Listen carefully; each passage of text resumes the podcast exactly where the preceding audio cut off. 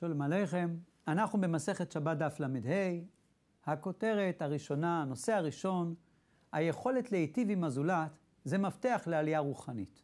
הנושא השני, התוף שנוצר בזמן תופת מצרים. אנחנו נמצאים עכשיו בזמן של חג פסח, לומדים מסכת שבת בדף ל"ה, הנושא, כמו שדיברנו, היכולת להיטיב עם הזולת כמפתח לעלייה רוחנית. כפי שאנחנו יודעים, במקומות רבים נוהגים ביום שישי לפני שבת קודש להשמיע צפירה המבשרת עד בו שבת המלכה. מעניין לראות מה המקור של המנהג הזה. יש כאן תיאור חי של הגמרא מהחיים של אבותינו לפני אלפי שנים, איך היה נראה יום שישי, איך התכוננו לשבת, ואומרת הגמרא, תנא דבי רבי ישמעאל. שש תקיעות תוקים ערב שבת. היו תוקים שש תקיעות. התחיל לתקוע תקיעה ראשונה, נמנעו העומדים מהשדה להדור ולחרוש, מלעשות כל מלאכה שבשדות. ואין הקרובים רשאים להיכנס עד שיבואו רחוקים, וייכנסו כולם כאחד. רש"י מספר, שמה? שכיוון שאנשים עבדו בשדה, חרישה, זריעה, חקלאות, היו אנשים שהם היו קרובים לעיר, והיו אנשים שהיו רחוקים מהעיר. אומרת הגמרא, שמי שגר קרוב לעיר, עוזב את השדה, מתקרב לעיר, אבל הוא לא נכנס הביתה, לא נכנס לעיר, הוא ממתין. למה הוא ממתין? שיבוא הפועלים שהם עובדים באזור יותר מרוחק, שגם הם עזבו עכשיו את החרישה, גם הם שמעו את הצפצוף, את הצפירה, וכולם נכנסים ביחד לעיר. מה המנהג ולמה? אומרת לנו בעצם הגמרא, רש"י מסביר, שיש פה כלים שנקרא כבוד, דרך ארץ, לחשוב על הזולת. הרי אם ייכנסו קודם קבוצה א' לתוך העיר, ורק אחר כך ייכנסו קבוצה ב', מי שגר בתוך העיר, מה יחשוב? הראשונים מכבדים את השבת, והם נכנסו מוקדם יותר, ואילו האחרונים, הם מזלזלים בשבת, והם נכנסו מאוחר יותר, ואז מתביישים. התביישו הפועלים הרחוקים. למה? כאילו, זה נראה שהם זלזלו. אומר רש"י, מה הפתרון? הרי בעצם, שניהם בעצם עזבו את החרישה כששמרו את הצפירה. למה אילו הגיעו יותר מוקדם? הם נמצאים באזור חקלאות קרוב לעיר. למה הם יותר מאוחר? כיוון שאזור החקלאות שלהם רחוקה מן העיר. אז מה הרגישות? הרגישות הוא לא אחרי שהוא בטרקטור, אין לו מזגן, חם לו, והוא כבר מגיע לתוך העיר, רוצה כבר להיכנס הביתה, לשבת על כוס קפה עם הרבנית, ליהנות מהשבת. אומרים לו, רגע, רגע, תחשוב, קבוצה מספר 2, גם הם בזמן הצפירה עזבו את החרישה ואת החקלאות. אל תגרום להם תחושה שהם מזלזלים בשבת. כולם מחכים בכניסה לעיר, מחכים לרחוקים שיבואו ביחד עם הקרובים, וכולם מכסים ביחד. זה כלי מדהים, איך שגם בתוך כל הכניסה לשבת, מה זה שבת? לך דודי לקראת כלה. שירי שבת, שמחת השבת, אבל שלא תשכח שאסור לגרום אי נעימות למישהו. אז לכן, כולם ממתינים, כשכולם יגיעו ביחד, זאת אומרת, אלו הראשונים שקרובים, כשהעבירו העבירו כרטיס עבודה, הם יכלו כבר להיכנס קודם. אבל זה נקרא אחדות ישראל. אחדות ישראל זה כשלא נעים לי, לא רק שלי לא נעים, אלא גם אם לשני יוצא לא נעים, גם לי לא נעים להיות. זאת אומרת, התענוג שלי זה לא ללכת הביתה עם בגדי שבת, כשאני יודע שבזמן הזה יש אנשים שעומדים ברחוב והם בתחושה לא נוחה. אז לכן, זה הכוח להלביש משקפיים. זה בגנים שהעם היהודי קיבל חינוך מדורי דורות אלפי שנים. ואהבת לרעך כמוך. לחשוב על הזולת. כולנו זה משפחה אחת. זה הכוח של האחדות. ואנחנו רואים גם את היופי, איך שהגמרא מבהירה לנו איזה סרטון. סיפור, אבל המסר, איך ההכנה לשבת, ואיך ההכנה לא לגרום אי נעימות. וזה שונה ממה שרואים בעולם, שיש חשש נגיף, נגיף הקורונה, ועשרות אלפים רוצים לרוץ לסופר, וכל אחד חושב, אני אגיע ראשון, הוא דוחף כדי להגיע ראשון למרכולים. רגע, רגע, ואם אני הראשון במרכולים, מה קורה עם זה שאחריי?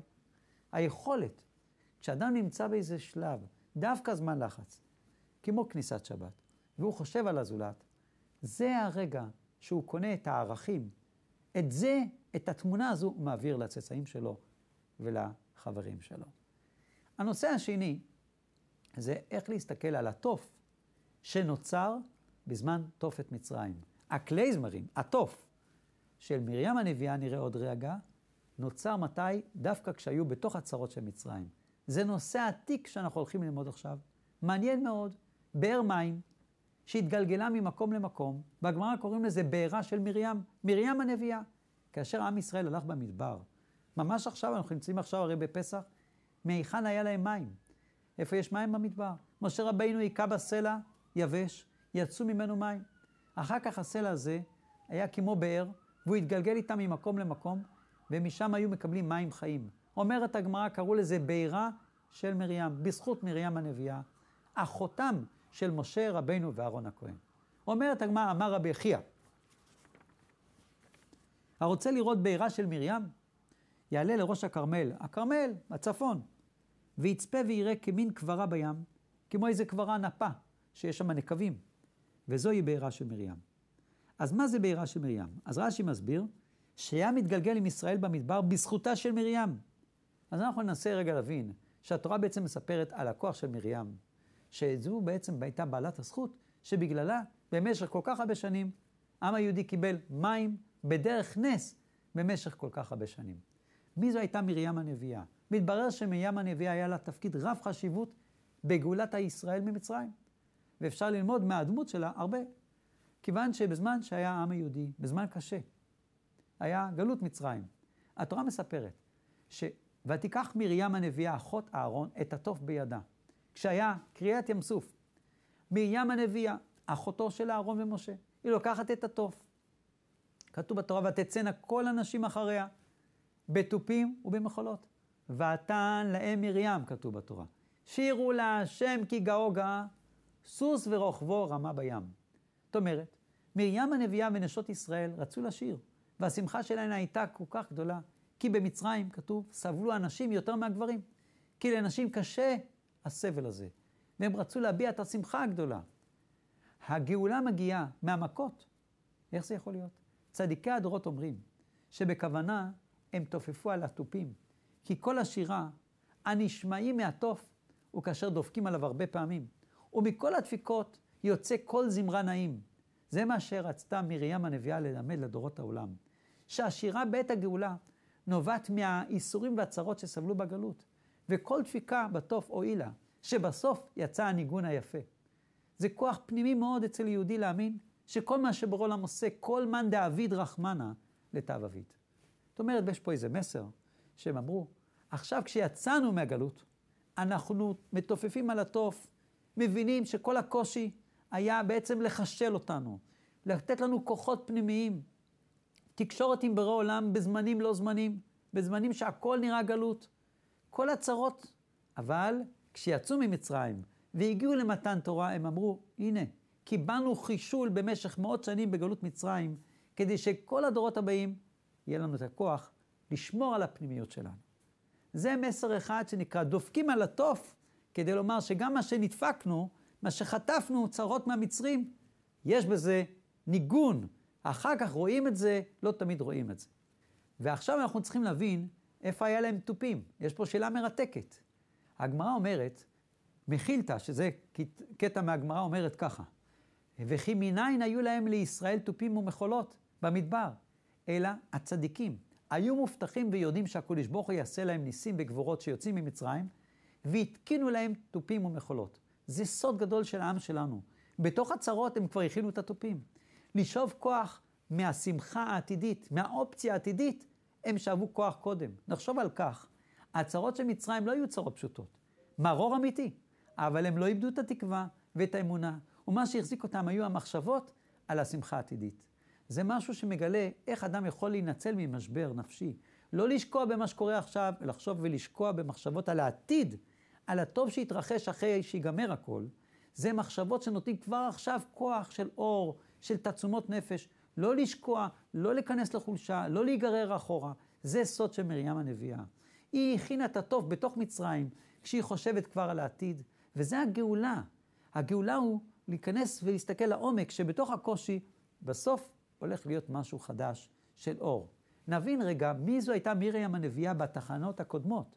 בזכותה נולד משה רבינו. הרי כתוב בגמרא, שפרעה הרשע גזר להטביע ביאור את כל התינוקות הזכרים. כל הבן הילוד, היאור תשלחו. מיליוני ילדים ביאור. הגמרא מספרת שעמרם, שהיה גדול הדור, עמרם, שהיה בנו של לוי, והיה אבא של משה ואהרון, ואבא של מרים הנביאה. הוא בעצם שמע את הצרות, הוא ראה שיש לו בן ובת, אהרון הכהן, כן? ויש לו את מרים. הוא אמר לאשתו, בואי ניפרד. הוא התגרש מאשתו. אמר, למה להביא ילדים כדי שיזרקו אותם ביאור? הבת מרים הקטנה הייתה בת שלוש. והיא אמרה, אבאלה, פרעה הרשע גזר גזירה רק על הזכרים. כשאתה נפרדת מאמא, כבר לא יהיה גם בנות. אתה סוגר את היקום. אז מילא אתה גוזר גזירה גם על הנקבות. האבא צדיק, שהיה מוכן לקבל הערה גם מילדה בת שלוש, אמר לה, את צודקת. והוא החזיר את אשתו, כיוון שכשהוא נפרד מאשתו, אז כל הציבור גירש את, את נשותיהם. והוא החזיר את אשתו ונולד משה רבינו. מרים המשיכה עם האופטימיות הזו, כיוון שאחרי כמה חודשים שמשה רבינו נולד, נאלצה האימא של משה, יוכבד, להניח אותו ביאור. כיוון שהם היה להם אפליקציה למצרים שנקרא לעקוב באפליקציה שנקרא, דרך הטכנולוגיה, היו החרטומים של מצרים מריחים. מאישה שנכנסה להיריון כבר נכנסה למעקב. והכלבים היו מגיעים לתוך הבתים לגלות מתי הייתה הלידה. אז בהתחלה, התקופה הראשונה אחרי הלידה, עדיין הצליחו להסתיר את משה רבינו בתוך הבית. הביאו שאין ברירה, לקחה את משה, האימא הצדיקה, שמה אותו ביור בתוך תיבה, תיבת משה. מרים אמרה, אימא, את לא יכולה לראות איך שהוא מת. אני מאמינה שיקרה פה נס. והיא עומדת ליד היור, בתוך כל הצרות, מי הגיע? היא הגיעה, בתיה בת פרעה, הגיעה ליאור, והיא ראתה תינוק בוכה והוציאה אותו וגידלה אותו בבית של האכזר פרעה, שמה גידלו. את מי? את משה רבינו. בזכות מי הגיע משה רבינו? בזכות מרים הנביאה. ומה היא זכתה? שהנכד שלה בצלאל הוא זה שהקים את המשכן. כיוון שמי ששמח ויש לו אמונה, בעולם אחרי כך וכך דורות פתאום נותן לו שפע, ששמחת האמונה שלה גרם שבמדבר מיליונים שתו מים בזכות בעירה של מרים. וזה בעצם נתן לה את הכוח לתקל מלמטה עד למעלה. מגיל כל כך צעיר היא ראתה תמיד את החזון, היא תמיד ראתה את העתיד, גם כשהכל היה בתוך הצרות. זה התוף שנוצר בתוך התופת של מצרים. כשאדם הוא יודע שיש מנהיג לעולם, והוא לא שוקע, הוא אומר, כל העולם בטלטלה, מה יהיה? הטיפש לא רואה את כל התמונה, הוא חושב שזה מקרה, ואז הוא מודאג. המשכיל, הוא יודע שיש מישהו שמתכנן את זה. אז אם יש מישהו שמתכנן את זה, בוא ניצור קשרים עם המתכנן של כל הטלטלה. וברגע שהוא קולט שיש לו קשר למטלטל של הכלכלה, על ידי זה שהוא מאמין שמישהו יצר את הטלטלה, הוא מקבל כלים לא לשקוע, אלא להתקדם קדימה. לראות את נקודת הקשר שלו למי שמנהיג את כל העולם, ועל ידי זה הוא מקבל נקודות אור, והנקודות האלה מולידות בו את האמונה היותר מורחבת, וכך הוא משפיע על המשפחה את האווירה הנכונה ועל החברה. תודה רבה.